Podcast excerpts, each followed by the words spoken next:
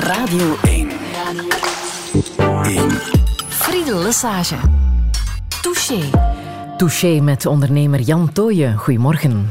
Goedemorgen. Het is bijna niet te vatten waarmee je allemaal bezig bent. Hè? De mensen kunnen jullie misschien het, uh, kunnen jou misschien het beste kennen van uh, Brouwerij Palm, uiteraard.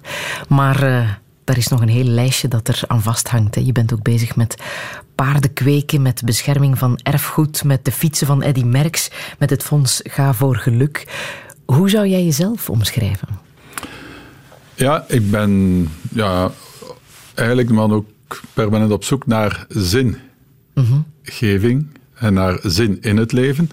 En als we dat kunnen samen delen in teams met anderen, ja, dan wordt het leven echt boeiend. Ja, dat, zie je als je voornaamste bezigheid, hè? Ja, wel... Uh, ik heb zo mijn talenten laten ontleden en er werd, kwam naar boven dat ondernemerschap mijn sterkste punt was. Empathie misschien niet het sterkste. Maar mensen bijeenbrengen om samen iets te doen, dat is wat mij geweldig boeit in het leven en ook uh, energie geeft. Ja, en dat is inderdaad wat je, wat je doet. Um, je omschrijft jezelf als uh, iemand die voor 10% bezig is met het Belgische trekpaard. Daar gaan we het zo meteen zeker over hebben. 20% van je tijd met family office en bestuursmandaten. En 70% met filantropie. Ja, dat is veel hè? Daar ben ik in getuimeld. Ja, ja, um, je bent ook iemand die de waarde kent van de vraag: alles goed? We gaan daar te snel overheen, hè? Als we vragen: hoe gaat Vooral het met niet antwoorden. Uh, uh, ja, alles goed en, en niet antwoorden. Ja. Want uh, dat is het moment waar je. Eigenlijk is dat een heel goede vraag. De betere vraag is: hoe gaat het met u? Dat werd denk ik vroeger wel meer gesteld, maar nu is dat meer een retorische vraag. Alles goed? Opdat men niet zou beginnen over uh, zijn problemen te delen. Maar dat is juist de kern waar het eigenlijk zou moeten over gaan als de mensen verbonden willen leven. Dat is een beetje hun zorgen delen, hun kwetsbaarheid delen. Ja. Dat is de kern. Ja, en daar gaan we het ook over hebben. Je bent iemand die gelooft in de kracht van positief denken ook, hè? Ik denk dat dat in de mens zit en dat is het stuk God in ons. En als we het woord God gebruiken, dan wil ik dat eigenlijk enkel gebruiken voor dat. Mm -hmm. De kracht, de creatieve, creatieve kracht die in ons zit, is uh, goddelijk.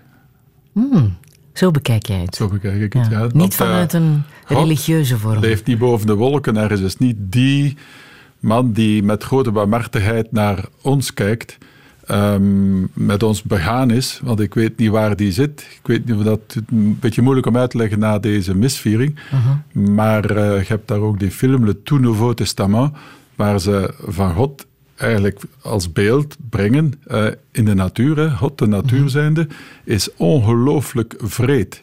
Is zoals iemand die rondloopt met een revolver en een Russische roulette op iedereen toepast. Uh, dat is ook de existentiële angst die we allemaal voelen. Die willekeur die toch in onze natuur zit. Uh, doodgaan, ziektes bij uw kindjes, uw geliefden. Uh, het is van de ene seconde op de andere valt uw wereld in. Ik kan dat toch niet God noemen, maar dat is de natuur. De natuur is vreed. Maar wat God is, ik vroeg dat ook eens aan, kwam eens een katholieke Indische priester tegen en ik zeg, wat is het beeld van God? Is dat ook de man met zijn oneindige barmhartigheid boven de wolken? Nee, nee, nee, no, no, no. Zegde hij, God is inside us. Leeft diep van binnen in ons en dat is onze capaciteit om kosmisch verbonden te raken met elkaar. Die verbondenheid. Dat is uh, ja, heel troostend ook in deze wereld, mm. in het leven. En is, daar zouden we eigenlijk allemaal veel meer moeten uh, op, op zoek naar gaan. Maar veel mensen vinden dat ook. Maar kunnen nog, nog een tandje bijzetten. En daar gaan we ook naar op zoek in Touché. Jan Tooyen, blij dat je er bent. Radio 1. 1. Friedel Lesage. Touché. Een strand zonder water of land zonder grond dat is al even erg als een staart zonder hond. Maar je geld dat verdwijnt met je trouwe kassier, dat is nog niet zo erg als een café zonder bier. Er vloog een mazoetvuur in brand in mijn straat. Toen de brandweer verscheen, was het al veel te laat. Heel het huis lag in as en er riep een pompier. Dat is nog niet zo erg als een café zonder bier. Een man werd veroordeeld en kreeg levenslang. Met de rijkswacht van dienst moest hij mee naar het gevang. Toen hij droef in zijn cel stapte, zei de cipier, dat is nog niet zo erg als een café zonder bier. Biedrinkers zijn vrouw stak het geld in haar zak en liet hem alleen onder dak. Maar ze schreef toch nog gauw op een stukje papier. Dat is nog niet zo erg als een café zonder bier. Toen Janses ging zwemmen in Leopoldville, botste hij met geweld tegen een krokodil. En van schrik zwom Jan Janses van Congo naar hier. Maar dat is nog niet zo erg als een café zonder bier. Ja, dit is een lied dat mijn leven vergalt. En ik weet ook nog niet of het u wel bevalt. Ik ben wel aan het zingen, maar ik heb geen plezier. Ik vind dat toch zo tristig, een café zonder bier. Niet zo erg als een eh, café zonder bier. Bobbiaan Schoepen wist het al en dat weten de Belgen ook al jaren. Getuigen het aantal brouwerijen in ons land, zo ook brouwerij Palm. Um, maar Jan Tooyen, daar is vorig jaar verandering in gekomen. De Nederlandse brouwer Bavaria neemt zijn Belgische concurrent Palm Belgian Craft Brewers uit Steenhuffel over. Dat is de brouwerij van onder meer Palm en Rodenbach. Touché. Ja, uw brouwerij is eh, vorig jaar overgenomen door het Nederlandse Bavaria van de familie Swinkels. Tweede brouwerij, tweede grootste brouwerij in Nederland na, na Heineken. Jan Tooije, hoe is het voor jou om de brouwerij zo beetje bij beetje los te laten? Wel, er is maar één ding dat echt belangrijk is. Dat is het belang van de onderneming, van de mensen die daar werken. En je moet eigenlijk ook de relevantie van de aandeelhouder op, op een bepaald moment in vraag stellen. We hebben dat trouwens ook aan onze deugdelijk bestuursregels. Ik heb dat aan Guberna ook gezegd, dat dat de verantwoordelijkheid van de raad van bestuur zou moeten zijn. Om, want centraal moet altijd staan het belang van de onderneming. En ik heb die brouwerij gekregen van mijn oom als rentmeester om die te doen groeien, te verbeteren en door te geven naar de volgende generatie. Zijn daar ook voor een groot stuk in geslaagd met vallen. Met opstaan eerst en dan vallen en terug opstaan. Maar uh, ja, op de eindmeet heb ik ook moeten uh, waarnemen dat ik geen opvolger heb. En dan moet je wel het belang van de onderneming zien uh, dat iemand anders vindt. En dat is schitterend verlopen, want bij die familie Swinkels in Nederland, die zijn met 120 naamdragers aandeelhouder van de brouwerij. De zevende generatie is nu aan het bewind. En ze nemen altijd de beste en de slimste uit de familie, die mogen dan het bedrijf leiden. Um, ja, geen gebrek aan opvolgers. Daarboven, zij hebben een dimensie. Hè. Ze zijn aanwezig in 120 landen in de wereld, die onze rijke assortiment van Belgische speciaalbieren eindelijk op de wereldkaart zullen kunnen brengen. Dat is goed voor de CITES, dat is goed voor onze merken, dat is heel goed ook voor de mensen die daar werken. Want zij gaan dit bedrijf verdubbelen, denk ik verdriedubbelen. Wij hadden uh, een heel goed groeiplan. Het is te zeggen, uh, ik ben eigenlijk begonnen met een brouwerij met één bier en dat was het bier Palm. Daar zijn we heel groot mee geworden. Relatieve termen natuurlijk, maar als familieonderneming, als je 5% van de totale Belgische biermarkt hebt met één bier, dat is toch als niet... Speciaal bier als ook, speciaal dat bier. Was ook, uh... Maar dan is uh, dat ene bier, ja, uh, als je van één product afhangt, is het ook gevaarlijk als dan de consument zijn zinnen letterlijk zet op andere bieren. Ja, dan, heb, dan, dan komt het verval. We, we zijn toch wel op een derde van ons volume gevallen. Het is een wonder dat we nooit zijn gestruikeld, dat we nog overleefd. Maar dat is ook het moment dat je moet bewijzen dat je een ondernemer bent, dat je je bedrijf een nieuwe raison kunt geven door innovatie, door nieuwe dingen te doen die de klant wel graag heeft en lust. En daar zijn we in geslaagd. We hadden een prachtig groeiplan voor onszelf. We konden in stand-alone uh, terug uh, goed in de groei gaan. Trouwens met nieuwe bier. Ik zal hier geen merken noemen, maar uh, die zijn zeer in want het grootste biermerk vandaag is What's New. En daar hebben we ons beginnen spe in specialiseren. In mhm. interactie met de consument, nieuwe smaken uh, uh, testen, uitdelen en uh, genieten. Dat is eigenlijk de taak van een brouwer. genotsproducten maken om samen te genieten. Wel, um, wij konden het standalone teruggroeien, maar de familie Swinkers en Brouwerij Bavaria gaat ons groeiplan uh, de risico's eruit nemen. Dus versterken, ze gaan het sneller uitvoeren en ze gaan het ver overtreffen. Dus mooier kun je het eigenlijk niet uh, stellen. Ik ben heel tevreden.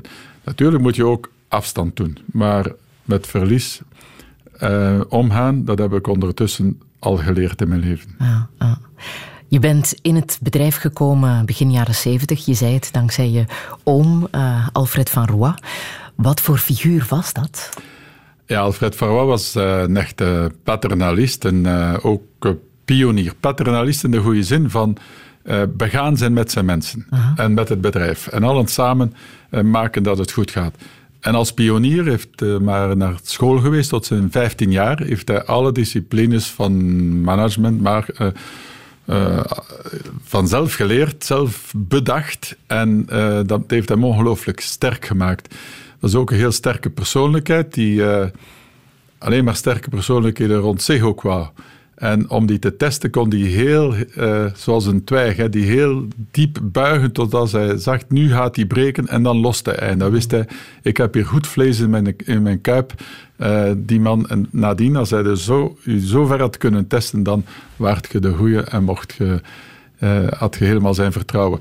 Ja. Um, hij had geen kinderen, hè? Dus... Hij had zelf geen kinderen en heeft dan in de familie gezocht naar iemand die klaar was voor hem op te volgen. En dat was jij? En uh, ja, ik had daar ook wel voor de omstandigheden in die richting, want mijn overgrootmoeder was een brouwersdochter ook en ik was eigenlijk voorbestemd voor een andere brouwerij. Maar hij zei, een onkel staat toch dichter dan een grootnonkel. Maar hij zei dan ook, um, ja, met twee kapiteins aan boord op een schip, dat zal moeilijk gaan. Uh, ik heb een sterke persoonlijkheid, jij ook, maar we gaan één ding afspreken van in het begin. We gaan samen, als er problemen zijn, daarover negociëren. En als we tot een consensus komen, prachtig. Komen we niet tot een consensus, dan gaan we altijd uw mening volgen en uitvoeren. Ik vond, en heeft dat ook altijd gedaan. Hij zei in het begin zullen dat uh, beslissingen zijn. Als je een keer foutieve beslissing neemt, oké, okay, je zult eruit leren. Dan zult je tenminste de ervaring en de kracht opdoen om later de grote beslissingen te nemen. Ik vond dat heel groot van hem. Hij heeft ook mij altijd die ruimte gegeven. En dat is mm -hmm. nee, misschien wel een, uh, een tip ook naar opvolging in familiebedrijven. Voor de sterke stamvader die het bedrijf heeft grootgemaakt, het is niet altijd gemakkelijk van uh, de de opvolgers hun foutjes te laten maken. Ja, ja. Nu, de geschiedenis van Brouwerij Palm gaat al veel verder terug in de tijd. Hè? Het bestaat eigenlijk al een paar eeuwen zelfs. Ja, we zijn een beetje aan het zoeken. Eh, we zijn naar oudere datum al aan het geraken. Maar uh, ja, het is uh, 1747 is officieel. Um, Wat weet je dat daarover? Dat is een familietraditie ja? van vader op zoon. En dat dat geeft ook wel een druk om het door te geven. Maar hij is er niet in geslaagd. Hij had zelf geen kinderen en ik nu ook niet. Ja, ergens uh, eindigt het.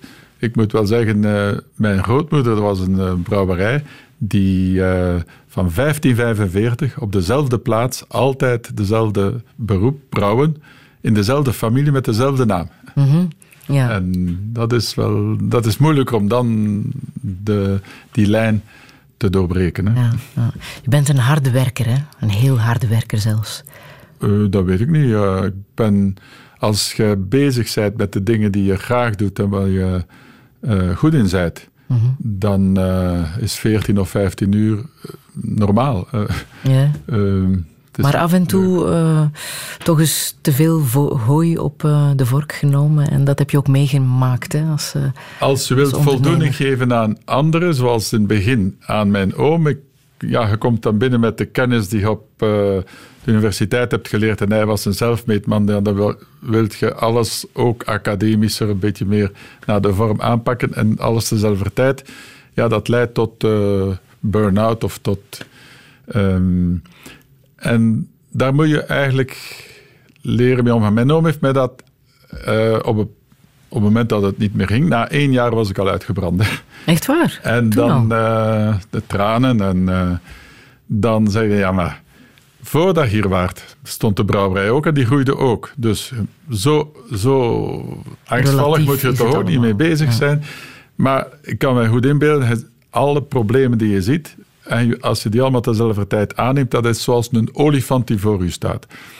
En je wilt die opeten. Ja, dan krijg je een, eh, een digeste van. Hè. Mhm. Hij heeft gezegd, uh, voilà, kap die in duizend stukjes en eet wel elke dag één stukje op. Dan kun je dat heel goed verteren. Eén ding na elkaar.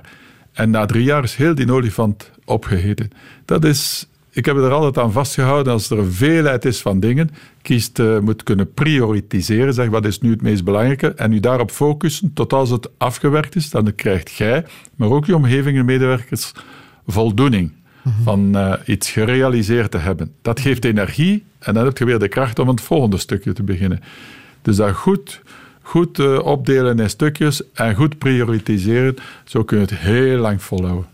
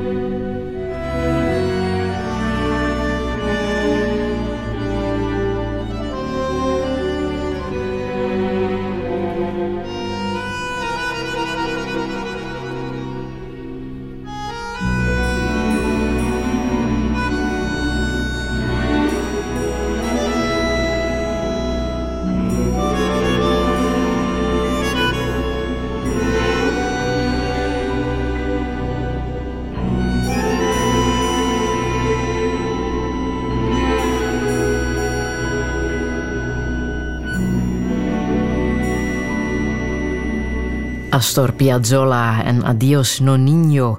Piazzolla schreef dit nummer naar het schijnt uh, na het overlijden van zijn vader in 1959, Jan Tooyen. Ja, prachtige muziek is dit, hè? Ja, dat zijn die diepe gevoelens van verlies die met heel veel sereniteit zijn gebracht. En je kunt u daarin eens uh, goed uh, in laten meegaan. dat is ook nodig als je ook zelf een kind verloren bent, bijvoorbeeld.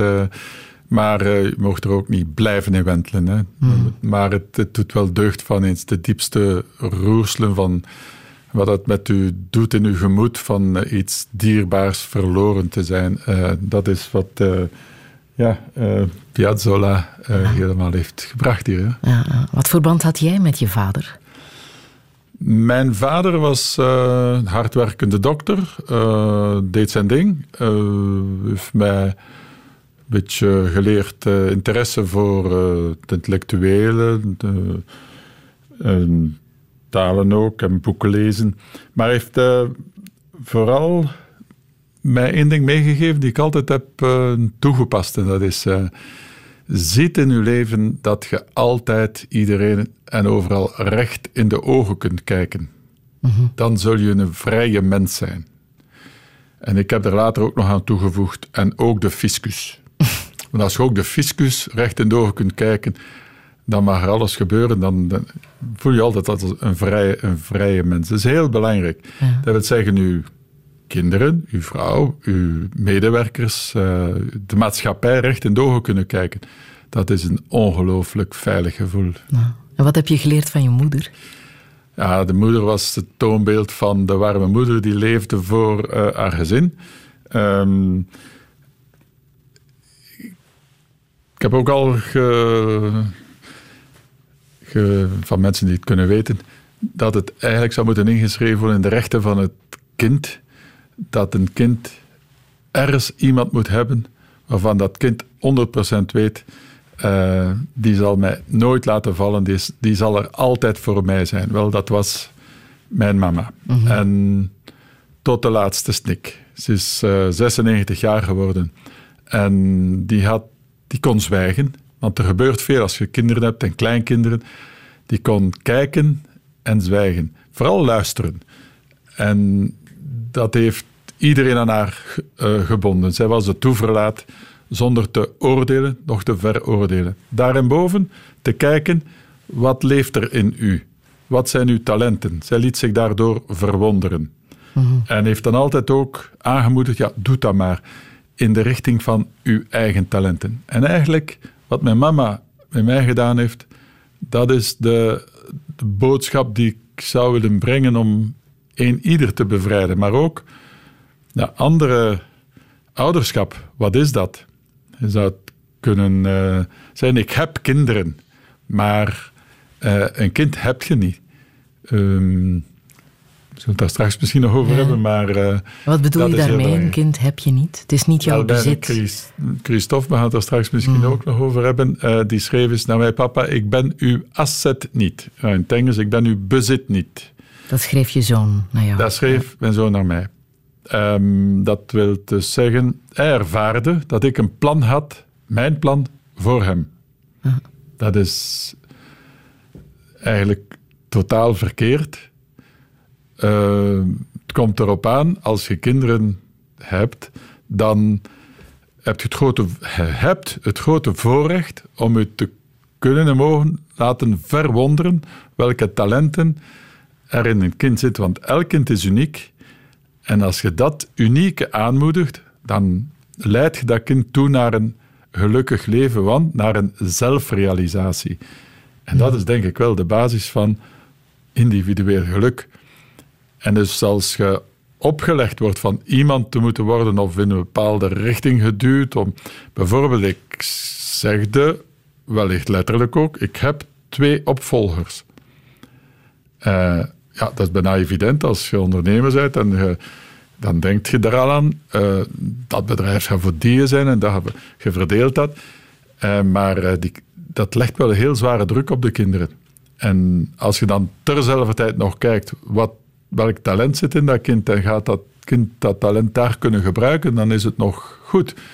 Maar als dat die dimensie niet bijgevoegd wordt, dan kan het heel uh, onderdrukkend zijn voor uh, een kind. En ik denk Mhm. dat ik daar op dat vlak wel wat fouten gemaakt heb. Uh, zoals vele mensen doen. Hè. Ik moet mij ook niet zwaar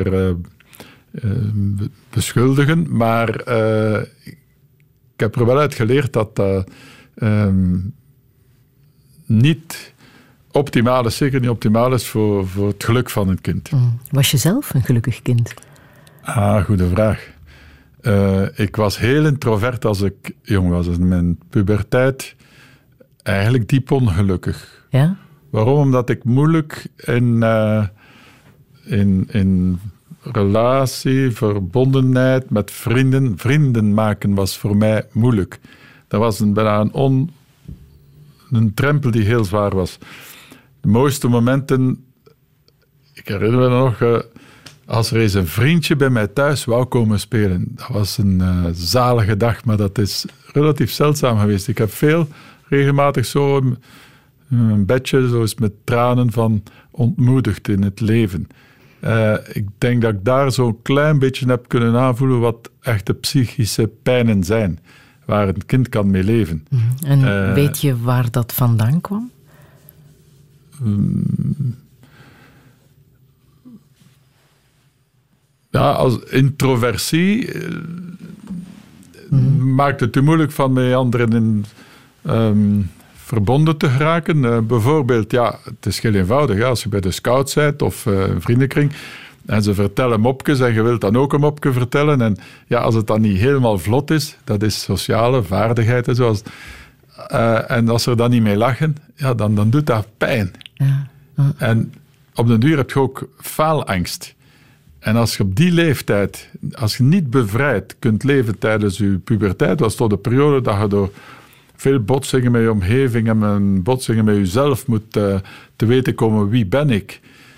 Um, ja, dat is uh, de donkerste periode in mijn leven. Niet tegenstaan dat ik een fantastische mama had. Misschien mm. daardoor heb ik het ook allemaal... Uh, ze heeft me telkens aangemoedigd, zij begreep mij, ik kon bij haar terecht. Beetje mama's kindje. Maar... Uh, Want jullie waren met zijn. verschillende met jongens, hè? Ja. Drie broers, ja. Ja. En de ene welke... broer was heel sociaal vaardig. Mm -hmm. De andere was uh, ja, de dominante, maar was een choleriek, choleriek in, in zijn jeugd. En uh, hij heeft me altijd beschouwd als mijn, zijn klein broertje. En dat heb dat je gevoeld, letterlijk. Is, uh, bijvoorbeeld, hij had het moeilijk in het vijfde studiejaar. En mijn papa zei, ja, als je nu niet uh, je best gaat doen, dan gaat je later in de fabriek moeten gaan werken met je boterhammetjes mee en je pul. En dan zei hij al direct voor zichzelf te vergoelijken, maar jij, klein broertje, jij gaat dat nooit niet kunnen in het vijfde studiejaar. En dat is zo uh, op die leeftijd wel, ja, wordt ook niet aangemoedigd. En, ja. en dan moeten vechten tegen iemand die zo probeert te vernederen, dat is dus nadien wel goed gekomen in mijn broer. Ja, ja. ja.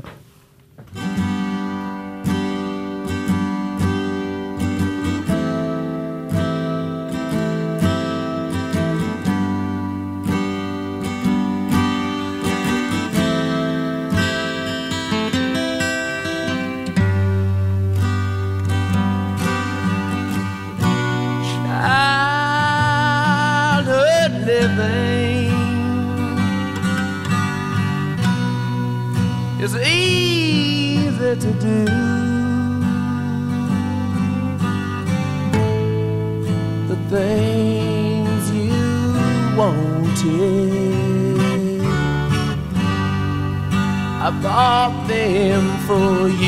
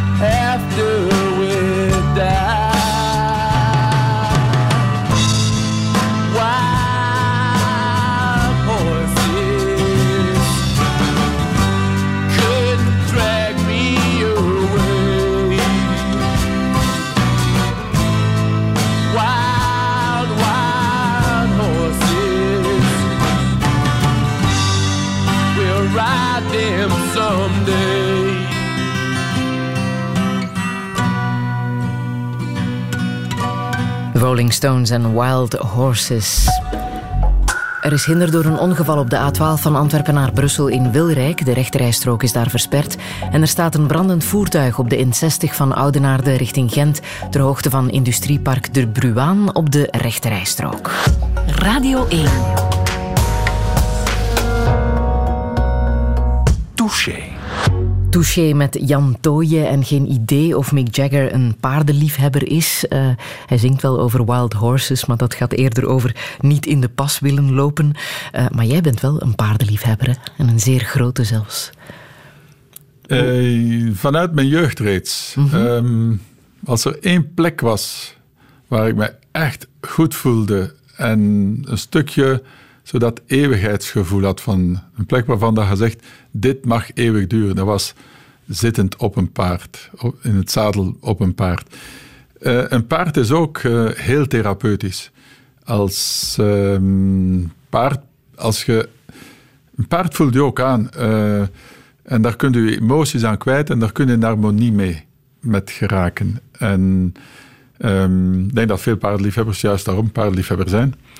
Ehm, maar eh, ik heb in mijn jeugd heel veel paard gereden en... eh, En kan je omschrijven waarom dat, dat de beste plek was voor jou als kind eh, op de rug van een paard? Wel, omdat dat paard mij begreep, daar kon ik heel gemakkelijk mee in harmonie. Ja. Zo een draf of een galop door de velden, ja, dat is, beleeft ook de natuur, maar eh, die harmonie met dat paard, weet, dat vertrouwen ook dat je kunt hebben in een relatie met een eh, of ruiter-paard, eh, dat is hemels. Ja. Hoe vaak rij je nu nog te paard? Ehm, veel te weinig. Maar ik ben dan eigenlijk van de ruiter menner geworden. En in feite heb ik de gelegenheid gehad van rond het merk Palm ook het uh, Brabants trekpaard toe te voegen aan het logo om te tonen dat het palm een uh, specialiteit is van Brabant, zoals het Brabants trekpaard. En dan zijn we dat gaan cultiveren, ook om het merk te ondersteunen, maar dan kon ik voluit gaan natuurlijk. Um, zijn we ook paarden gaan houden en dan zie je ook dat welke groot, uh, grandeur dat dat paard heeft gehad in onze economie, in onze cultuur eigenlijk. Het is een uh, volkscultuur of toch een levend cultuurpatrimonie van België. Als je weet dat in uh, eind 1800, begin 1900, dat in economische termen het grootste exportproduct van België was, dan is dat niet te versmaden. dat heeft, was een hele economie waar heel veel mensen van leefden. En natuurlijk, de paardenkracht is vervangen door de ontploffingsmotor na de Tweede Wereldoorlog. En dat paard is nu, kan je zeggen, in verval, maar heeft zijn raison d'être zo'n beetje verloren. Nog in de nostalgie. Veel mensen houden nog een trekpaard omdat hun vader of uh, grootvader en zo. Um, maar we zouden toch moeten dat paard een nieuwe toekomst geven in de recreatie en de sport. En daar hebben we heel veel aan gedaan om dat uh, te bewerkstelligen. We hebben zijn er geslaagd van het trekpaard ook te laten aanvaarden binnen de Vlaamse Liga van de Paardensport als sportpaard. Dus mennen met trekpaarden, dat kun je doen. Je kunt aansluiten bij elke menwedstrijd in Vlaanderen.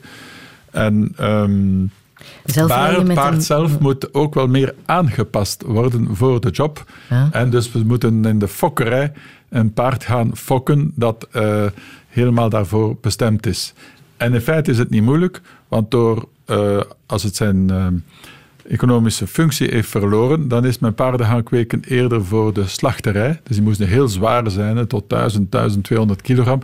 Maar wij fokken nu terug naar het fenotype, het paard zoals het was begin 1900. Dat is een veel eleganter, een veel sportiever paard, veel bewegelijker paard, dat, uh, dat dan perfect kan uh, gebruikt worden als menpaard. Ja. En om dat te doen moeten we veel genetisch materiaal gaan halen in de exportlanden van het Belgisch trekpaard. Want als er in België nog 3500 ingeschreven paarden zijn in het stamboek, maar bijvoorbeeld in de Verenigde Staten, in de American Society of Belgian Draft Horses, zijn er 180.000 trekpaarden, oorspronkelijk Belgische trekpaarden, ingeschreven. Mm. Er is dus nog heel veel werk aan de winkel om ook die stamboeken vanuit de wereld eens samen te brengen hier in België en samen naar een gemeenschappelijk fokbeleid te evolueren. Ja, het is ook echt het plan om daar cultureel erfgoed van te maken. Ja, en de provincie Vlaams-Brabant heeft dat als, al, als haar doelstelling ook gesteld, ook om toerisme eh, in eh, Vlaams-Brabant eh, rond de trekpaard te mhm. ontwikkelen. En zij, zij zijn zo'n beetje de back-office van heel die beweging, van het ja. Belgisch trekpaard, het Brabants trekpaard. Maar in het buitenland wordt dat Belgisch trekpaard genoemd. Dus ik denk wel ook dat we misschien het Belgisch trekpaard, als we dat helemaal op de kaart zetten, mede het, de merknaam België kan ondersteunen, zoals Belgisch bier, Belgische chocolade. Uh, Belgisch trekpaard was begin 1900. Uh, daar was België voor bekend. Dus ik denk dat we dat moeten aan toevoegen aan de sterkte van het merk België. Ja. Belgisch bier is trouwens uh, wel al beschermd hè, als uh, erfgoed door UNESCO. Zeer recent door UNESCO ja. beschermd. Het is ja. niet alleen bier, maar ook de biercultuur in België. De manier waarop dat, dat, dat mensen verbindt, ook het caféleven in België.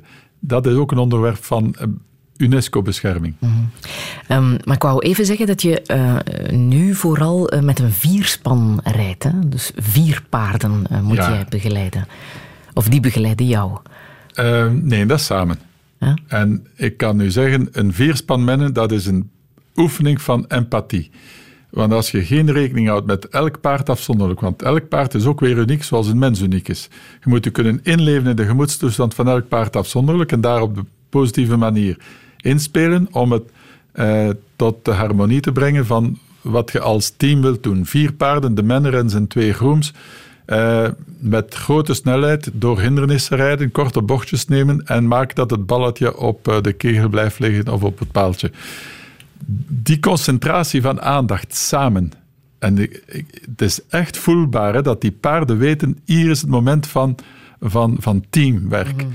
En als je dat paarden ook voorbereidt van... Het is ook kwestie van vertrouwen en, en samen in uh, het ritme komen. Uh, in de verantwoordelijkheid, in haan voor dat gevoel is, uh, is fantastisch. Dat wordt trouwens ook gebruikt. Je hebt zo de wereldkampioen menner IJsbrand Chardot in Nederland. die in samenwerking heeft met de managementschool van Nijenrode. En daar gaan ze bij hem mennen om te tonen, als je geen rekening houdt met uw teamleden, hè, uw management, uw, uh, uw, uw kaderleden en zo, met hen persoonlijk, met hun gevoelens ook, dan zul je nooit een harmonieus en effectief team hebben. Uh, ze, dat is een ondervinden aan de lijve voor een managementschool. En uh, het is zelden dat een topmanager erin slaagt van, van een paard, zelfs een eenspan, tussen twee kegeltjes te krijgen en balken te laten opliggen. Dus wat moet het dan zijn? Met vier. Maar zo moet een team ook in ondernemingen, alles wat men onderneemt, een regering enzovoort, moet een team vormen die allen voor hetzelfde gaan, in harmonie met elkaar, wetende uh, ja, waar een gemeenschappelijke dingen liggen.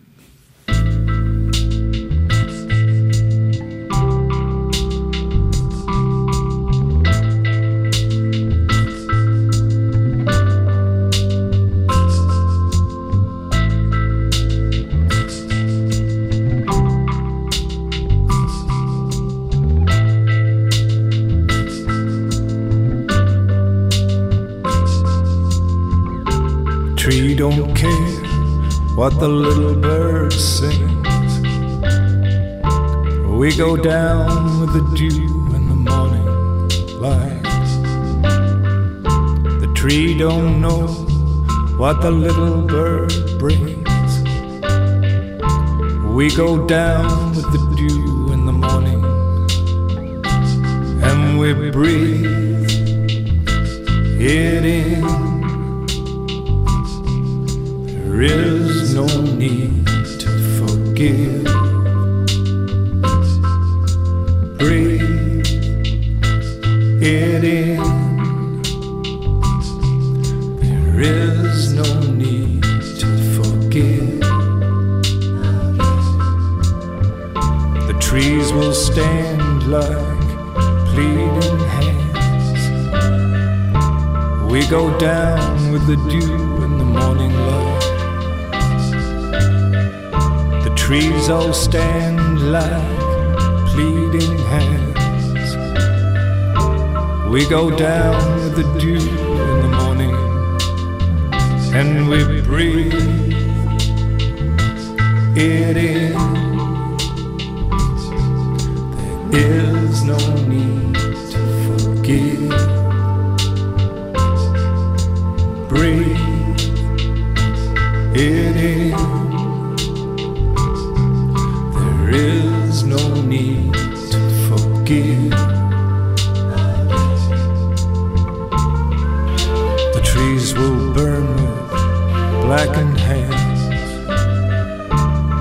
We return with the light of the evening. The trees will burn blackened hands. nowhere to rest, nowhere to land. And we know who you are, and we know where you live, and we know there's no need we know who you are, and we know where you live, and we know there's no need to forgive. And we know who you are and we know where you live, and we know there's no need to forgive. And we know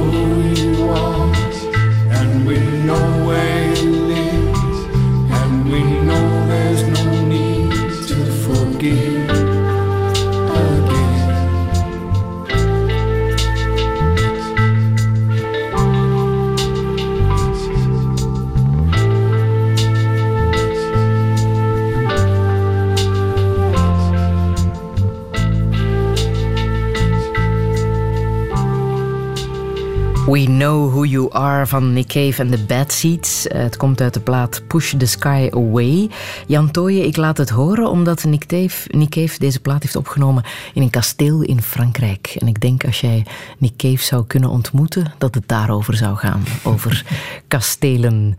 En misschien wel kastelen renoveren, heropbouwen, een nieuwe bestemming geven. Want dat is ook iets uh, waar je heel erg mee bezig bent. Hè? Diepenstein bijvoorbeeld, waar ook de stoeterij en de brouwerij is. Uh, dat is, uh, Kastelen, ik zou het uh, houden bij Diepenstein. Eentje is al, is al behoorlijk wel, veel. Ik ben daar in dat dorp mogen komen werken. En als ik dan vroeg over het verleden van het dorp, bij de wijzen van het dorp, dat was bijna geen overlevering. Steenhuffel is dat, In Steenhuffel, ja. Ik vond dat heel eigenaardig. En dan met de heemkundige kring heeft mij dan erop attent gemaakt dat daar vroeger een heerlijkheid stond. En zelfs een graaf van Steenhuffel was. En blijkt dan uit de geschiedenis dat eh, Napoleon, want die graaf was veldmaarschalk in het Oostenrijkse leger. Napoleon heeft dan eh, zijn kasteel verbeurd verklaard en de lokale boeren hebben dan dat gebruikt als steengroeven voor nieuwe schuren te zetten. Allemaal mooie schuren in Steenhuffel. Maar dan vertelt men niet, dat gaat men niet gaan vertellen aan zijn kinderen en kleinkinderen. En uh, dan, omdat we toch een plaats zochten voor de fokkerij van Belgische trekpaarden, hebben we dan gedacht in plaats van een moderne stal te zetten, laat ons uh, dat kasteel met de originele stallen van vroeger terug weer opbouwen. En daardoor hebben we ook het verleden moeten oprakelen. Het is ongelooflijk hoe dat een heer van een dorp, die dan graaf was van zijn streek, deelgenomen heeft aan alle grote momenten in de Europese geschiedenis, tot en met de kruisvaarten inbegrepen. Dus uh, elke plek maakt deel uit van de geschiedenis, zelfs van de grotere ruimte van Europa. En dat verleden en teruggeven aan het dorp, ook aan de kinderen van het dorp, dat de heer van Diepenstein heeft meegevochten in 1276 in de slag van Woeringen, in de kruisvaarten heeft meegedaan, de verslag van Bierge, waar de graaf van Vlaanderen het verloren heeft tegen de Franse koning. Had, die waren met 150.000, een coalitie van alle ridders van uh, tot Richard Leeuwenhard inbegrepen van Engeland tegen die Franse koning die maar 75.000 ridders had tegen 150, die verliezen toch wel. Hadden we daar gewonnen, was Vlaanderen waarschijnlijk het grootste land van.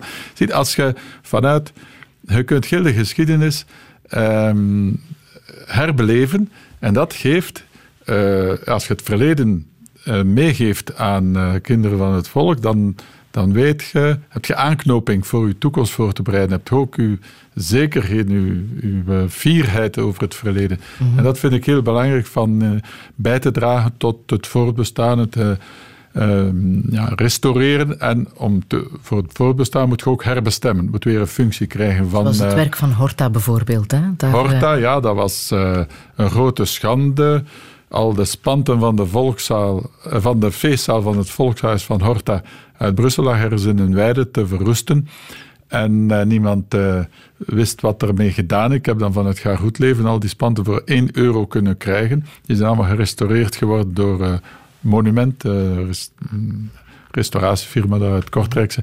En we hebben dat dan weer opgebouwd in Antwerpen, de Horta Feestzaal en Brasserie. Daar zijn, is eigenlijk een tentoonstelling van die spanten van het Horta-gebouw in een modernere uh, maar het is ook weer een plek waar je kunt gaan genieten over het verleden en de, de schoonheid. Ook toonzettend, uh, hoe toonzettend ja. Belgen geweest zijn ook in de wereld. Ja. Um, dat is ook zo'n voorbeeld. Ja. In Gent bijvoorbeeld, de oude graanschuur aan uh, de In Gent, dat, dat is het oudste, een van de oudste gebouwen, zo oud als het Gravensteen zelf. Want op de Leien werd de tol ge, hef, geheven. Of gehoffen, ja, ik weet het ook niet.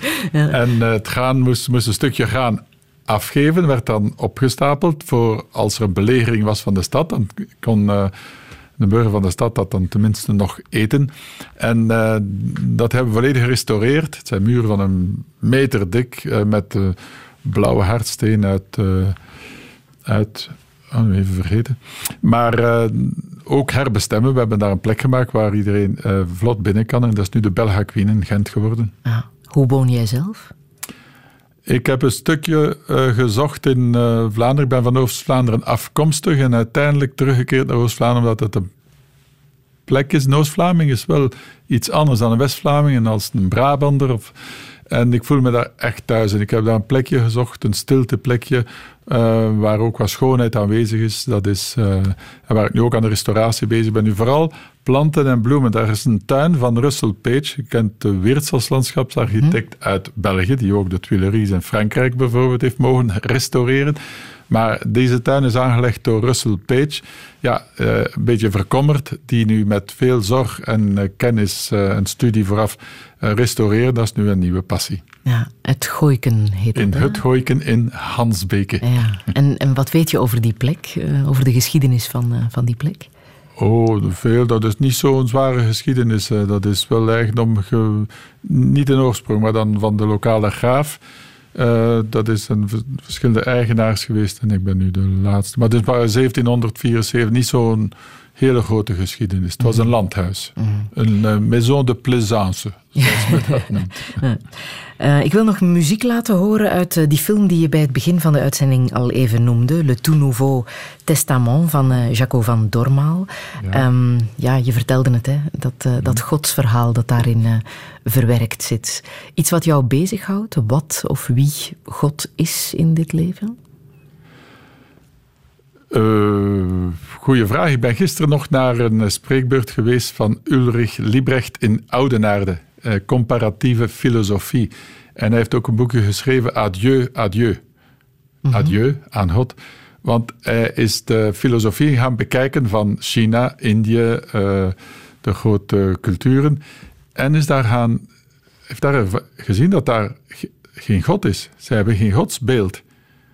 Het zit in de mens. En we moeten het uit ons halen. Wat ons verbindt is God.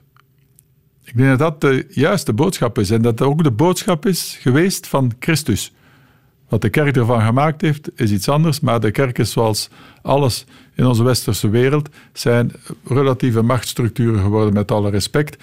Maar uh, dat, dat leidt niet altijd tot grote innerlijkheid. En uh, als we terugkeren naar de boodschap van Christus, die heeft uh, was het toonbeeld van kwetsbaarheid.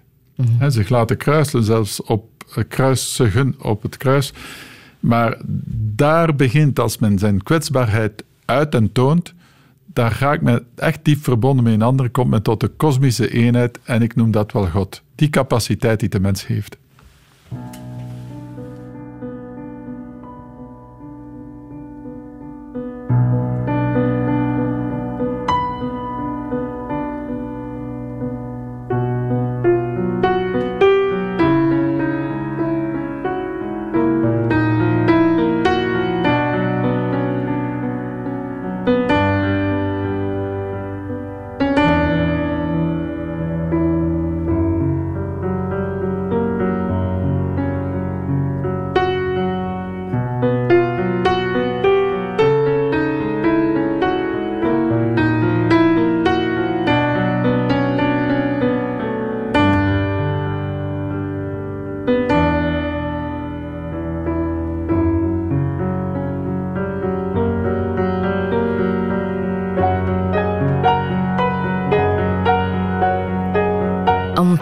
Met muziek uit de film Le Tout Nouveau Testament van eh, Jaco van Dormaal. En zometeen na het nieuws van 12 uur praat ik verder met Jan Tooyen. Tot zometeen. Radio 1. 1. Friedel Lesage. Touché. Touché met Jan Tooyen, de man die niet alleen brouwerij Palm promoot, maar ook het Belgisch trekpaard, het Brabants trekpaard, en zich inzet voor het behoud en de restauratie van ons erfgoedpatrimonium. Een man die bulkt van de goede ideeën, maar ook een man die 13 jaar geleden een serieuze koerswijziging heeft ondergaan en die ervaring inzet om deze maatschappij, waar te veel burn-outs, depressies en zelfmoorden zijn, zachter te maken. Dit is Touché met Jan Tooyen. Goedemiddag. Laatste nacht draaide alles in het rond, zo zeeziek, bibberen, beven. Het komt tot hier, ach kwam alles er maar uit. Oh, ik wil het niet meer beleven.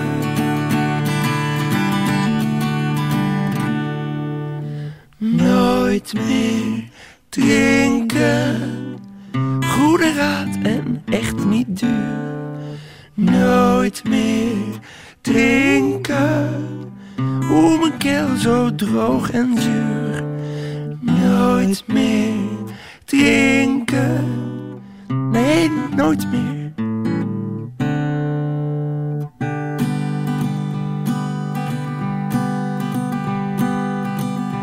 Ik heb gedacht, als ik nu eens na vannacht bij de anti-alcoholisten zo is vroeg hoe je drinken laten kan. Toen dus bleek dat ze het wisten.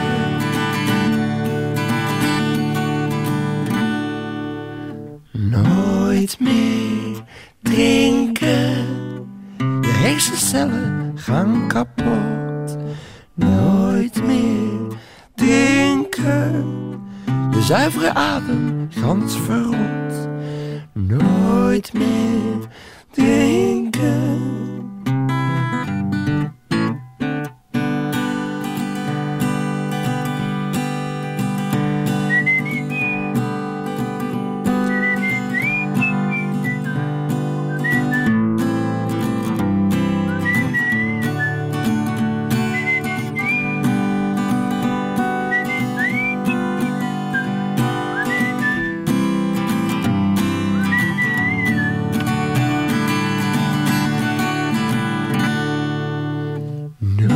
Nooit meer drinken.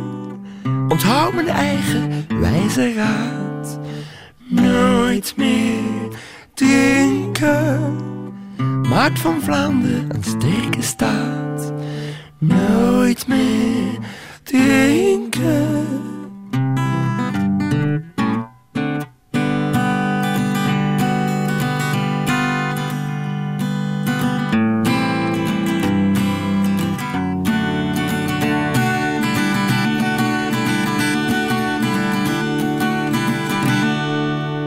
Van het Groene Woud en Nooit meer drinken. Het zou het campagnelied kunnen zijn voor uh, Tournee Mineral. Dat is het initiatief van Stichting tegen Kanker en het expertisecentrum Alcohol en Drugs. Om tijdens de maand februari geen alcohol te drinken. Al meer dan 65.000 mensen hebben zich uh, geregistreerd. Jan Tooyen, jij als uh, brouwer van, van Palm, doe jij mee met Tournee Mineral? Ik doe daar niet aan mee, omdat ik elke dag één glaasje drink en er zijn andere studies en aanmoedigingen die zeggen als je dat doet, dan ga je heel lang leven. maar het idee om bewuster om te gaan met alcohol, Sowieso, ik dat je dat uh, misbruik bent, is altijd uh, schadelijk. Mm -hmm. En dat men volksopvoedkundig uh, deze oefening wil doen van laat ons dit met mate drinken, matig zijn mm -hmm. in drinken, maar ook in eten. Dat kan zeker nooit geen kwaad. Ja het doel van de campagne. Ik laat het nog even uitleggen. We drinken veel alcohol, we drinken frequent alcohol en we willen mensen daar eens laten bij stilstaan, bij de verschillende redenen waarom dat we drinken. En ook eens laten ervaren dat het niet gemakkelijk is om alcohol te weigeren. Touché. Dat is wel zo. Hè? Het is niet makkelijk om alcohol te weigeren. Als je in gezelschap bent op café, dan ja, moet je een pintje drinken hè? of een glas wijn. Ja, sociaal drinken is, uh, is, is, dat is een beetje verkeerd. Maar het bewijst wel dat uh, een glaasje ook mensen verbindt.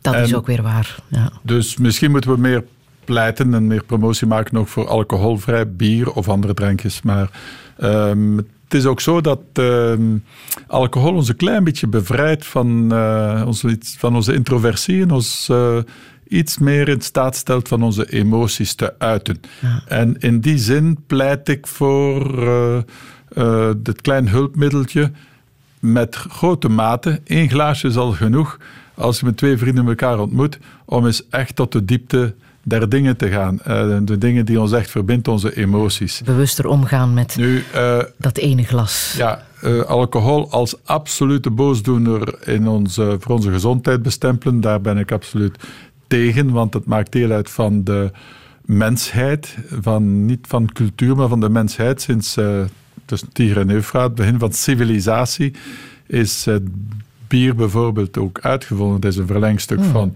de landbouw, van de graancivilisatie. Als je brood maakt en je verdun het een beetje te veel en laat het staan, dan krijg je daar fermentatie in. Dus uh, niks verkeerd mee.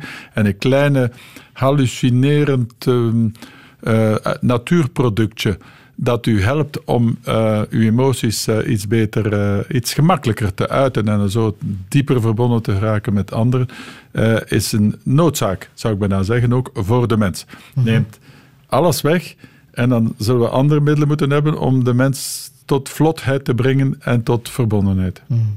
Die tournee Mineral was één van de dingen die afgelopen week op ons uh, afkwamen.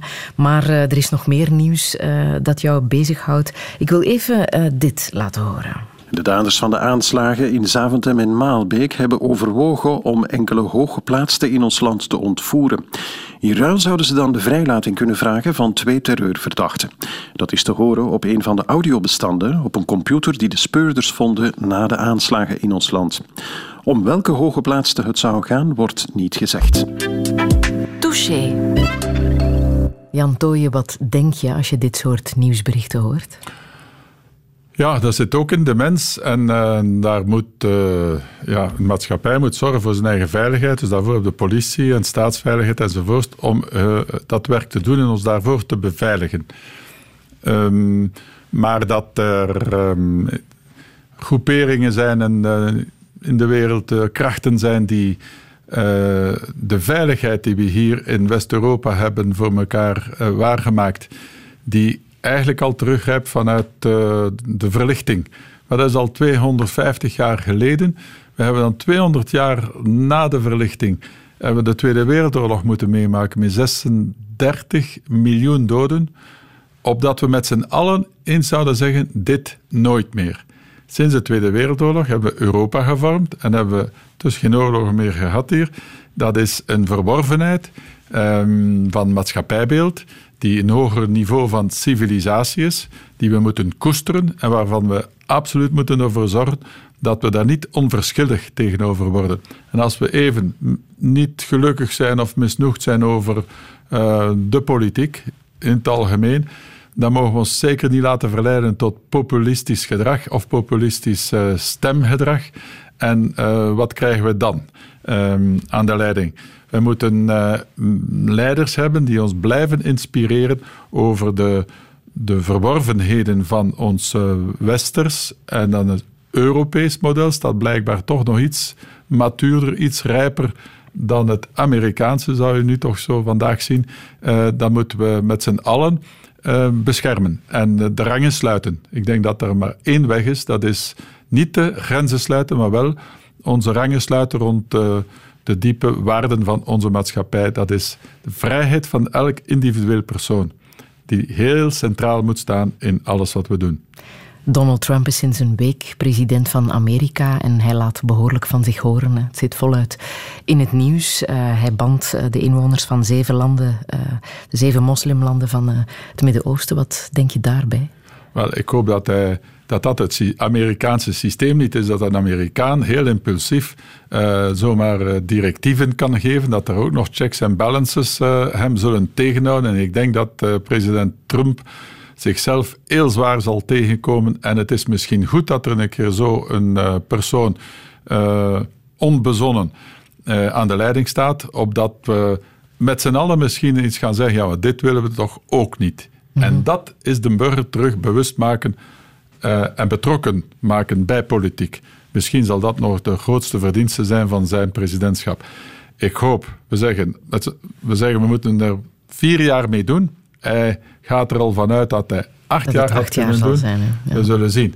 Maar uh, dit leidt niet tot harmonie en evenwichten. En uh, wat een civilisatie moet zijn, dat is een plek creëren op aarde waar we ons allen veilig voelen als individu en als, uh, ja, als, als persoon. Het is zelden vrolijk nieuws hè, wat we te horen krijgen. Het is altijd gebaseerd op ja, kwaad en negativisme. Dat is ook iets wat jou stoort. Hè? Ja, uh, ik ga niet gebruiken dat uh, de media uh, op het niveau staan van hun, kiezers, van hun kijkers en luisteraars. Maar VRT maakt daar misschien een uitzondering op, ik weet het niet. Maar um, de mens heeft ook nood aan goede voorbeelden en aan uh, leiderschap dat, waar ze kunnen in geloven dat die echt een betere wereld gaan maken. Uh, Denk je dat dat het verschil kan maken? Dat ook ja, het goede nieuws uh, tot een betere maatschappij kan Ik ben er 100% van overtuigd dat de mens daarnaar snakt. Natuurlijk, het is voor nieuwsmakerij gemakkelijker van al het onheil dat in de wereld gebeurt op de voorgrond te plaatsen. Dit gekoppeld met al de agressie die in die uh, kinderspelen op, noemt u dat, uh, de, die elektronica-spelletjes, computergames. Ja, uh, dat is toch verschrikkelijk welke beelden dat daar in de netvliezen van onze kinderen allemaal ingeprent wordt. Ik, ik, ik kan daar niet bij. Uh, bloed moet er zijn, het moet vernietiging zijn. Ja, het is alsof dat we de God... Ja, God heeft twee aspecten. als je naar de Indiër luistert, Brahma, die is en destructor en creator. Dat is nu eenmaal de natuur, dat zijn wij. Wij zijn destructor en creator. Maar als je te veel accent legt op het aspect destructor, ja, dan gaat dat ook een gedrag worden. We moeten toch wel een balans houden tussen destructie en opbouw. En ik vind dat inderdaad dat in de media iets, iets meer aandacht zou mogen besteed worden aan alle goede krachten in de maatschappij aanwezig zijn, opbouwende krachten. En dat zijn meestal de kleine, uh, de kleine daden van de gewone mens die meer in uh, de belangstelling zetten. Want die maken uh, voor de jeugd en voor zichzelf de kleine lokale veilige plekjes. Maar moesten we die kunnen bundelen, dan kunnen we ook op uh, de grotere België, Vlaanderen, België, Europa, uh, samen die veilige plek en dat gevoel van veiligheid, maar mentale veiligheid ook, waar we te volle onszelf kunnen en mogen zijn, uh, dat samen bouwen, dat zou heel veel positieve energie losweken bij de burger.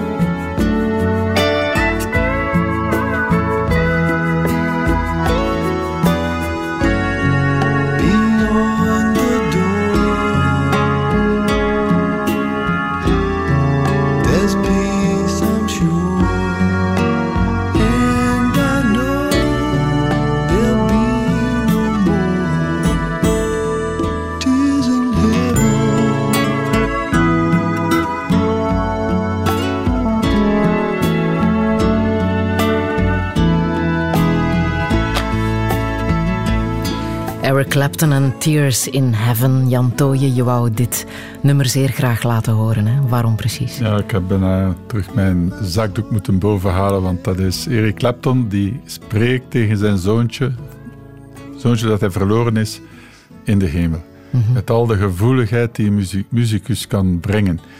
En een songwriter. Mhm. Ja, als die dan uh, zegt, zou je mijn naam nog kennen als ik bij u in de hemel zou komen? En zo die, die vragen stellen. Wel, ik leef daar eigenlijk ook veel mee. Ik, ik stel me regelmatig de vraag: wat zou mijn zoon Christophe nu van zijn vader denken als hij ziet waar ik nu allemaal mee bezig ben? Misschien, uh, ja, ik, ik, kan het hem niet meer vragen, maar dat is een zekere ja, weemoed. Uh, het onbereikbare is daar contact met die persoon. Maar als je zelf veranderd bent en je doet nu wat, waar die kinderen uh, nood aan gehad hebben, dan, dan heb ik eerder het gevoel dat, hij, dat ik op weg ben om zijn verlangens waar te maken en dat we samen op weg zijn. Dus mm dat is weer een hele grote troost. dus ik spreek niet fysiek tegen hem, maar ik heb wel het gevoel dat we nu samen aan iets bouwen. En dat geeft mij ongelooflijk veel sterkte. Ja. Hij is uit het leven gestapt hè, toen hij 21 was. Uh, ja, Ondertussen en, uh, 13 jaar geleden. 13 jaar geleden. Uh, out of the blue, zoals men dat altijd zegt. Maar dat is typisch in zo'n proces van uh, suïcide. Men geraakt in een tunnel. En het oorsprong is altijd ondraaglijke psychische pijnen. En niemand kan dat blijkbaar oplossen, ook in communicatie met, met de buitenwereld men staat er alleen voor. En als men dan durft denken aan er is een oplossing uit het leven stappen, dan schijnen die psychische pijnen te verzachten of weg te vallen.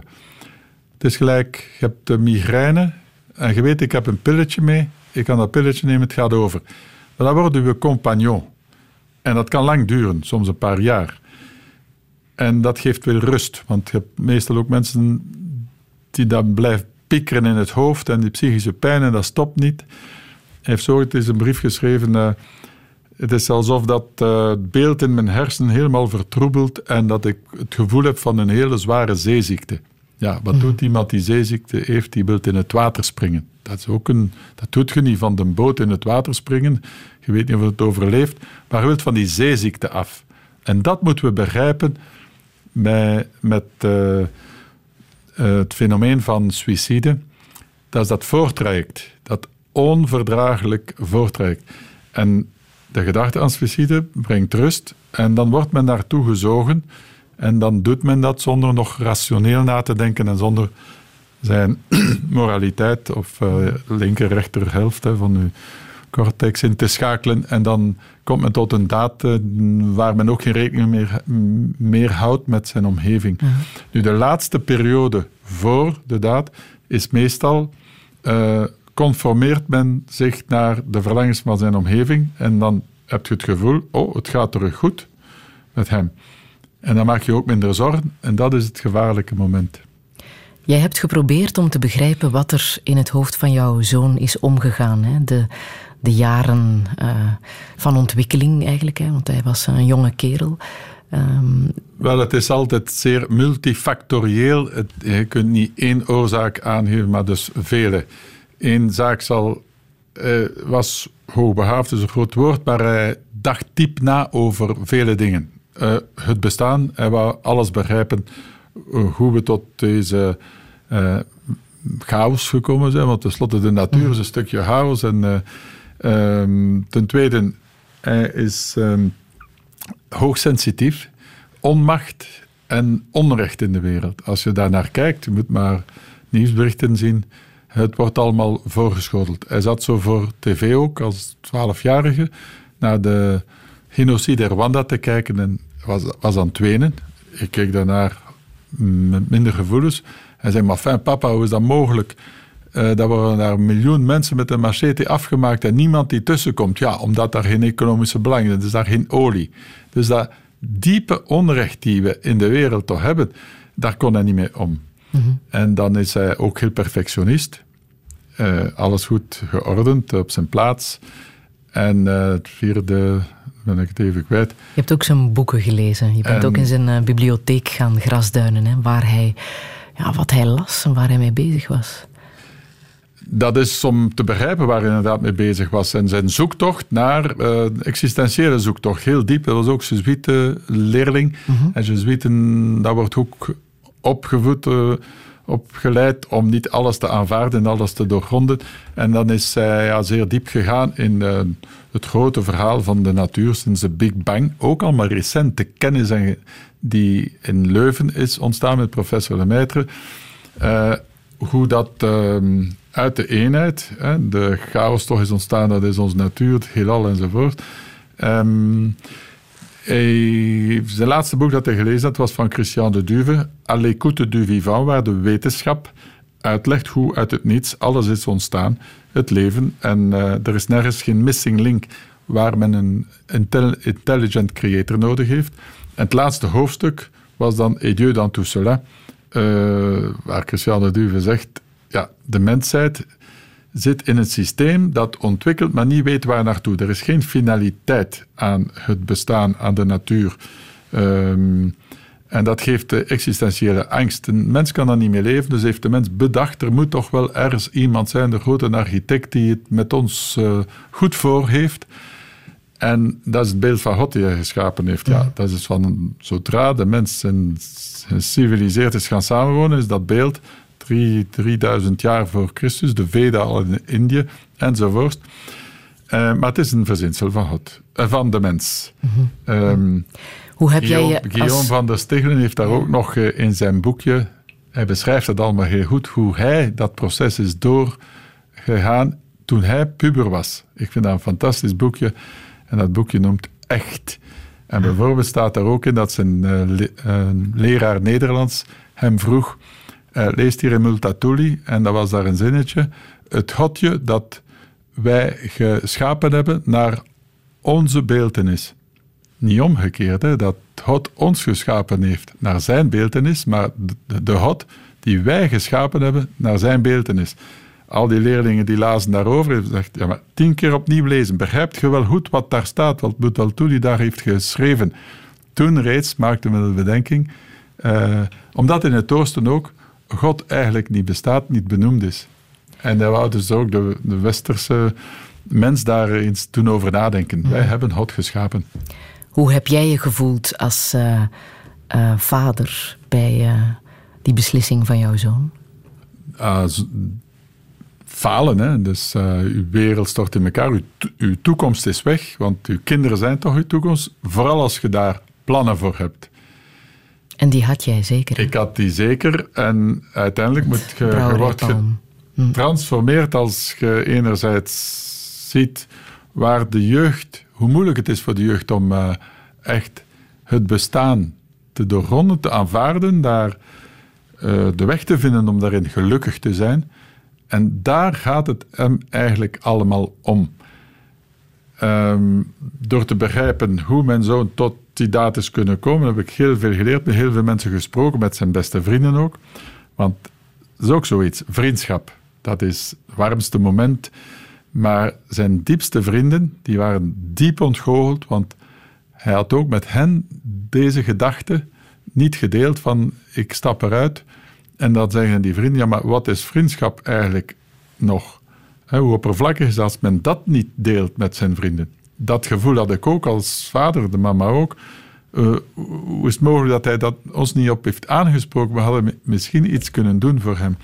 Dus die onmacht die we dan nu zelf ervaren, ja, dan moet je dat proberen om te buigen tot iets positiefs. En wat je niet meer kunt doen voor hem, maar de inzichten die hij u wel gegeven heeft, daar kunnen we wel iets mee doen. En dus ik ben nu, zoals ik net zei, uh, heb ik het gevoel dat we samen op stap zijn voor nu te doen voor andere kinderen en jongeren in Vlaanderen, uh, om hen een, veiliger, meer begripvolle uh, omgeving te geven, maatschappij, waar ze wel zichzelf kunnen vinden en zin vinden in het leven. En dat is een hele opgave waar we nog veel werk hebben in ons onderwijs, in ons ouderschap, in onze maatschappij, om die jeugd toe te leiden naar, uh, naar, naar hun zelfrealisatie, naar zelf zin vinden in het leven. En dat zit hem allemaal verwoord dan in toeleiden naar eigen individuele droom. Want een droom is iets uh, transcendent. Dat is de creatieve kracht die in de mens zit van als individu uw stukje nieuwigheid te brengen, opbouw te brengen in deze maatschappij. En dat kan alles zijn. En iedereen die zijn talenten gebruikt, is meer dan uh, waardig mens. Dat zou ook het doel moeten zijn van het onderwijs. Hè? Kinderen uh, zich laten ontwikkelen tot volwaardige, gelukkige Wel, ik sprak mensen. nog met uh, Ilde Krevits, onze minister. En die zei dan ook, ja, eigenlijk zou het mijn taak moeten zijn van elk schoolverlatend kind goed in zijn vel zit. Mm -hmm. Uh, natuurlijk, als we zeggen Vlaanderen scoort hoog op vlak van onderwijsresultaten, is dan op vlak van nou, wiskunde en uh, talen en zo, maar op vlak van toegeleid worden naar uw uh, talenten, talentgericht onderwijs. Elk kind is een uniek wezen, dus differentiële aanpak in de scholen en de klas, in de plaats van iedereen in de middenmoot te duwen. Um, daar ligt nog heel veel werk aan en we gaan dat proberen te bundelen in een groot project, zo'n uh, een syntheseproject van Ga voor Geluk, warme scholen die we binnenkort op de sporen gaan zetten. Daar wil ik het zo meteen nog even over hebben. You can never tell what's in a man's mind. And if he's from Harlem, there's no use of even trying. Just like the tide, his mind comes and goes. Like much weather when he'll change. Nobody knows, nobody knows. The man I love, well, he just turned me down. He's a Harlem Brown. Oft times I wish that I were in this ground, six feet underground. He idolized me as no other could, no, no. Then he surprised me, leaving me a note saying he's gone for good. And since my sweetie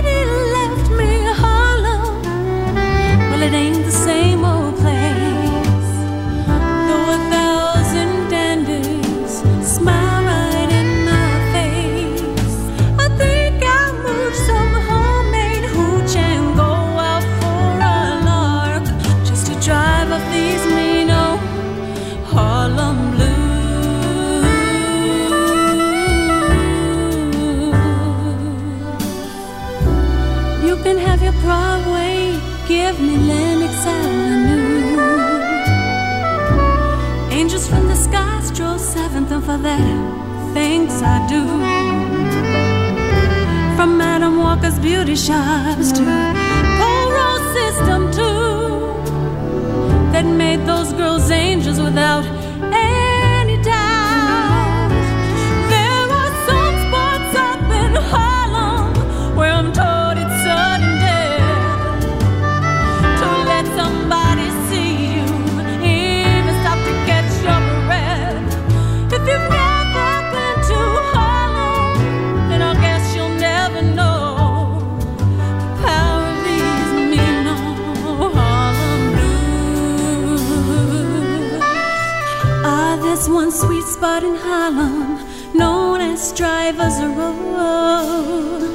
Ditty folks, some call them.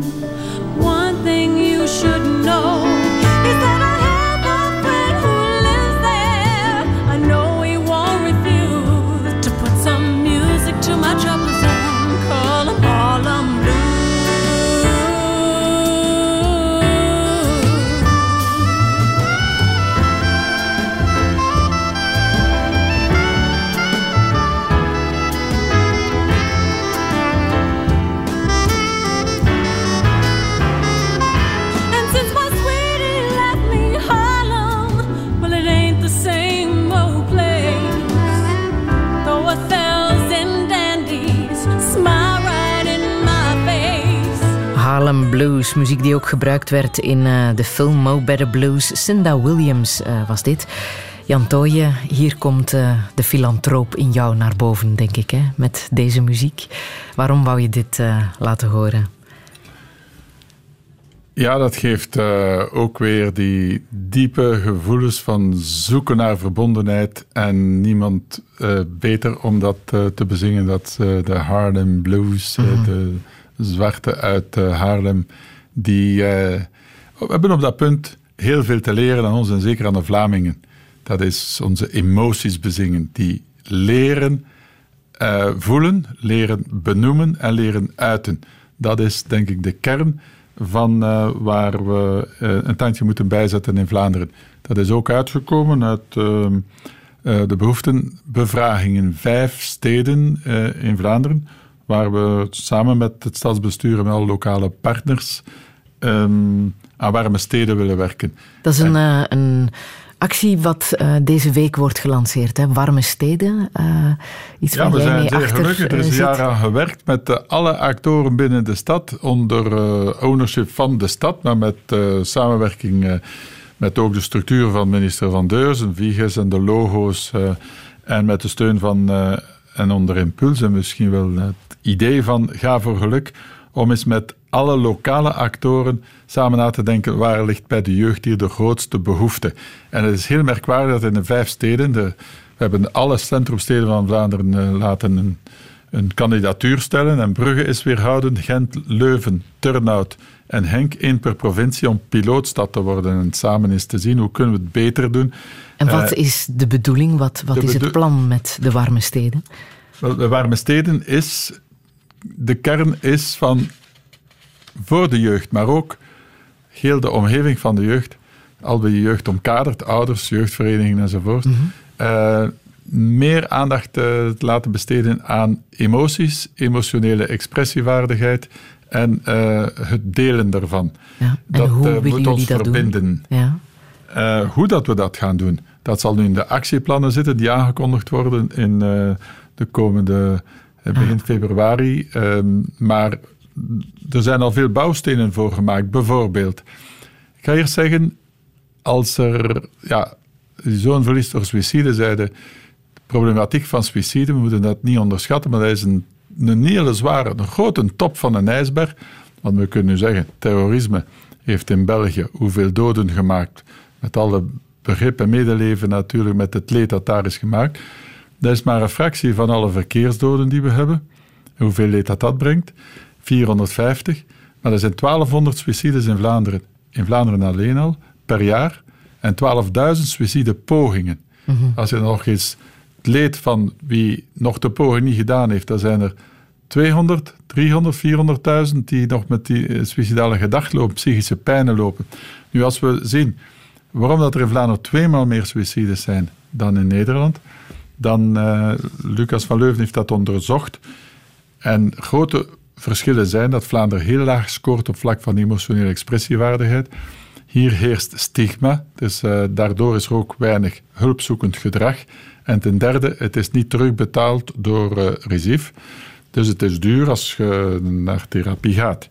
Dat laatste hebben we al aan minister Van Deurzen gevraagd en heeft dat dan ook ingeplucht in het regeerakkoord, want dat is een federale materie, dat kan Vlaanderen niet regelen. Maar die twee eerste zaken, uh, emotionele expressiewaardigheid, bevorderen bij de dan zeg je, ja, dan moet ik de volksaard van elke Vlaming gaan veranderen, elke Vlaming gaan heropvoeden. Dat is zo ruim, dat is niet specifiek, want inderdaad, als men zich niet goed in zijn vel voelt, dan krijgt men vluchtwegen over depressie en anorexie en bulimie en uh, drugs en al die vluchtwegen. Ja, als je vanuit suïcidepreventiebeleid, dan kunnen niet het grote voortrek. Maar dat is een voortrek dat we gezamenlijk moeten doen.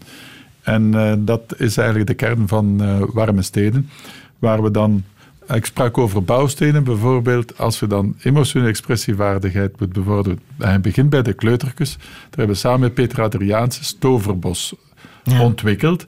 Waar kinderen poppen krijgen op hun handen. En een pop zal veel gemakkelijker zeggen wat het kindje voelt. Als papa en mama thuis ruzie gemaakt hebben, ja, dat is toch wel uh, niet leuk voor dat kind. En dan gaat hij twee poppen eens laten vechten. En dat is expressie voorkomt depressie.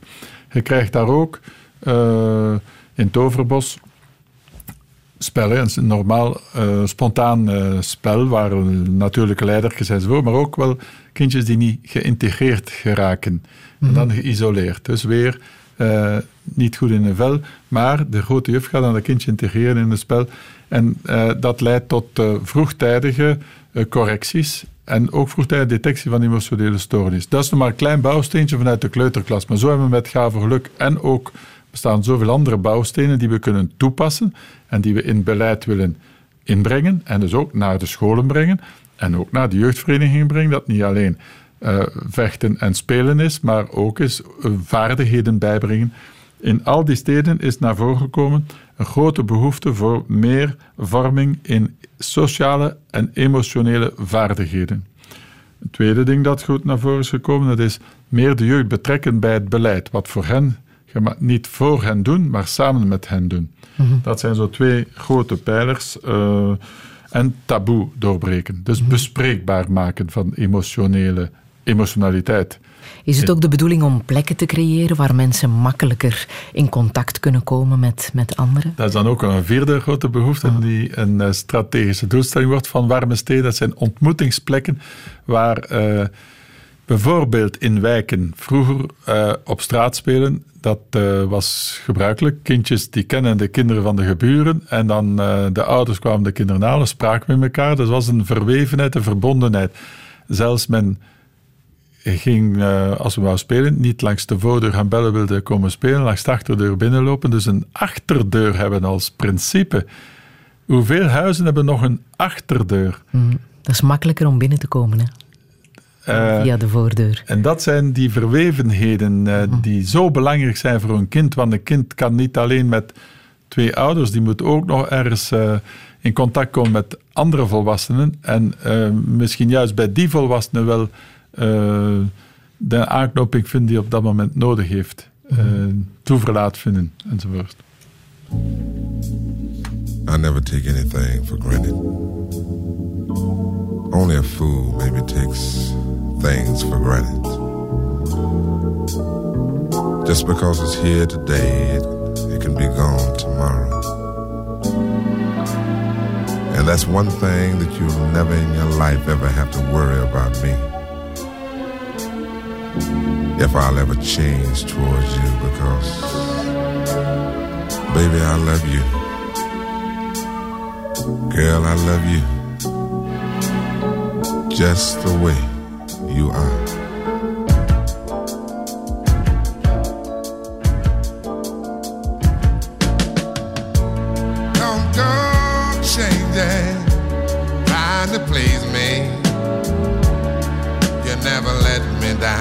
Before. I don't imagine you're too familiar, and I don't see you anymore. I would not leave you in times of trouble. We never could have come this far. No love. Took the good times. I'll take the bad times. I'll take you just the way you are.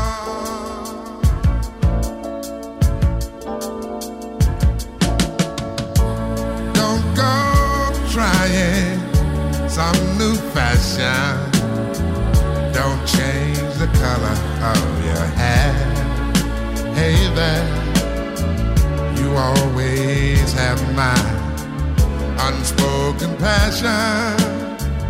Although I might not seem to care, I don't want clever conversation. Don't want to work that hard. No love. I just want some someone to talk to. I want you just the way you are.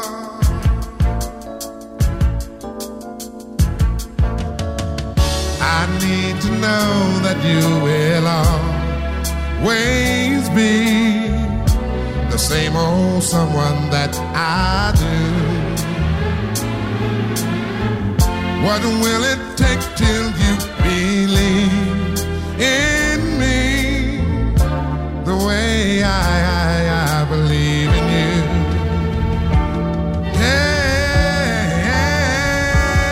Yeah, I said I love you. That's forever. This I promise from my heart. Oh Lord. I could not love you any better. I love you just the way you are. Barry White en Just the Way You Are, Jan Tooije. Daar zit veel waarheid in dit nummer. Hè? waarom, heb je het, uh, waarom heb je het gekozen? Wel, het was uh, een, het uh, lied dat gespeeld werd op onze huwelijksdans. Want uh, daar ben ik wel aangeleerd geweest door mijn uh, tweede vrouw. Dat uh, als je iemand graag ziet, is, dan zie je het geheel graag. Je mag niet beginnen afvinken. Dat, dat vind ik goed in u, maar het geheel moet je graag zien. Dat is, dat is echte liefde. En dat is misschien ook een boodschap, dat, is, dat heb ik geleerd. Dat is misschien ook een boodschap voor velen.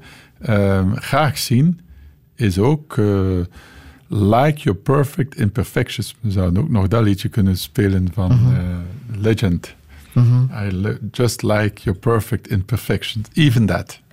Veel geleerd over de liefde de voorbije jaren? Uh, liefde is uh, echte liefde is koesterend en dat is de plek waar je uh, je veilig, helemaal veilig voelt, waar je totaal mocht zijn zoals je bent en waar je aangemoedigd wordt om nog meer jezelf te worden door je eigen talenten en je eigen drive te mogen doen. Ja. En niet te moeten doen wat anderen van u verwachten. Dat is uh, denk ik liefde, ook liefde die je naar kinderen uh, moet brengen. Um, dat is coach zijn van, leraar en ook van kinderen. Coach zijn mentor, het beste uit elk individu halen, uit elk kind halen. Ben je dat nu dat ook voor Matthias? Voor Matthias Um, Matthias heeft. Uh, dat proberen we wel. En ik denk het beste uit hem halen is hem volledig zijn weg. Ik ga nu zeggen, Matthias heeft wel een eigen idee gehad over de dingen. Wel, hem nu te volle daar de ruimte voor geven om dat te doen. Aha. Hij was, uh, had gezegd op een bepaald moment, ja, ik ben er klaar voor om uh, in het familiebedrijf te komen, mijn schouders mee daaronder te zetten. Maar na twee jaar heeft hij zelf ervaren dat dat niet zijn ding was. En het was niet gemakkelijk om dat dan aan zijn vader te zeggen, maar hij heeft het wel gezegd en gedaan. Daarvoor moet ik hem bewonderen dat hij dan de keuze gemaakt heeft voor zijn eigen weg te gaan. Als hij kind was, was hij altijd aan het spelen met flight simulators. En, dus dat was iets wat hij graag deed en waar hij goed in was als hij 12, 13 jaar was. En heeft daar nu voor gekozen en is nu een gelukkig man. Meer hij kan ik eigenlijk. Geworden? Hij is piloot geworden, zijn opleiding, mm. alles met brio doorstaan. En heeft nu een vaste job uh, bij Ryanair, woont nu in Dublin. En is uh, heel gelukkig daar. Uh, het, is wat, het is zijn ding. Ja. Dus en dat is ook wat je anders, wil als vader, toch? Helemaal anders van, van, dan mijn plan voor hem. Maar ik, het is wel heel leuk van hem nu heel gelukkig te zien. Natuurlijk, de persoonlijke band, die moeten nog een klein beetje, die openheid om dat nog eens met elkaar te delen dat, het, dit nu, dat wat nu is goed is, dan moeten we, nog, dan moeten we de plooien nog even glad strijken. Ah, dat is mooi dat je dat kan zeggen. Ja, maar dat, ah. dat is het leven. En uh, daaraan werken, dat geeft ook uh, opdrachten. Uh, mm -hmm. Dit moeten we met plooien blijven leven. Dat is juist niet goed. Mm -hmm. Als je kunt spreken over je emoties en over wat minder leuk of fraai is geweest in een relatie met iemand anders, dat terug is kunnen in sereniteit heroppakken en echt plat uh, strijken. Um, dat zal heel, heel veel doen aan het geluksgevoel van veel mensen. Volgend jaar word je er 70, hè? Is dat waar? Wat ga je daarmee doen?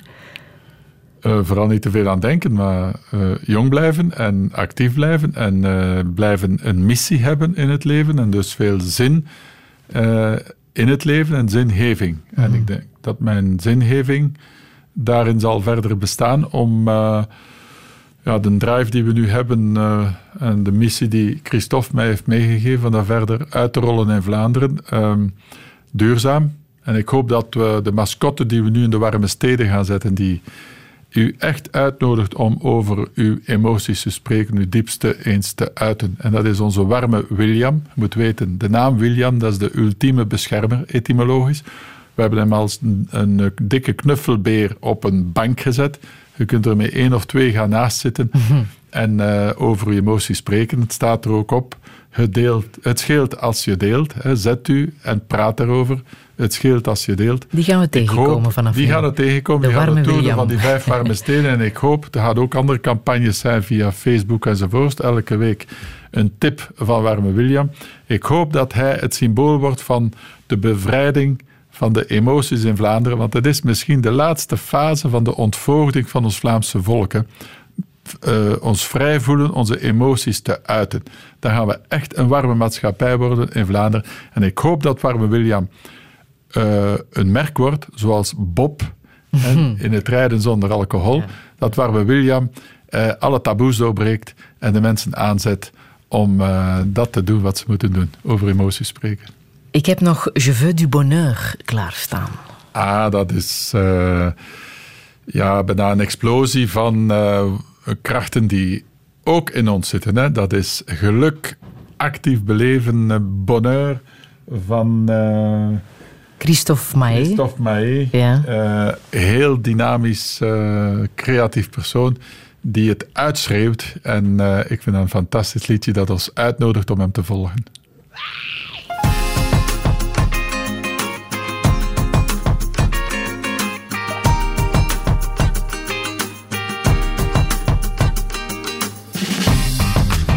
Du bonheur, je veux de la joie. Qu'on m'éclate le cœur. Alléluia.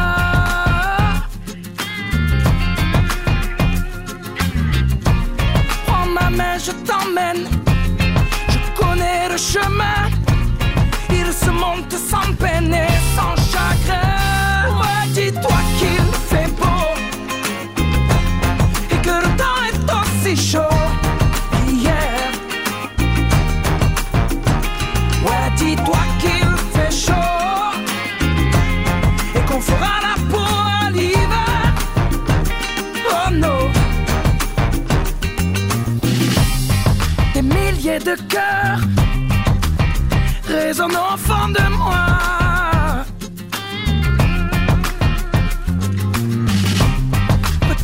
Peu voleur pour ne pas être proie. Prends ma main, je t'emmène. Je connais un sentier. Il se monte sans peine et sans souliers. Dis-toi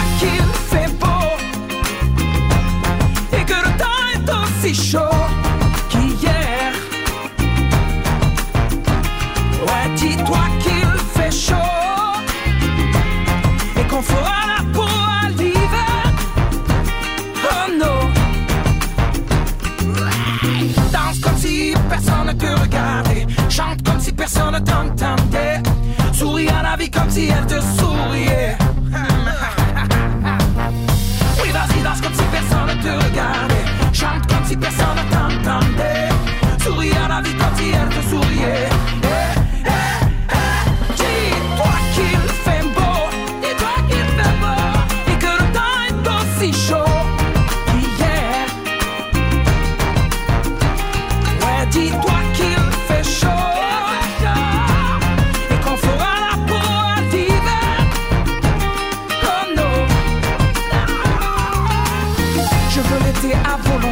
veux du bonheur van Christophe Maé. Ik wil je hartelijk danken, Jan Tooyen, voor eh, jouw komst naar eh, Touché. Alle info staat zo meteen op radio1.be. Zometeen is er Grand Cru en Sportza. En volgende zondag verwacht ik een van de initiatiefneemsters van Dagen zonder Vlees, Alexia Leijzen. Ik wens iedereen nog een heel warme zondag. Herbeluister Touché via de podcast Radio Plus en radio1.be.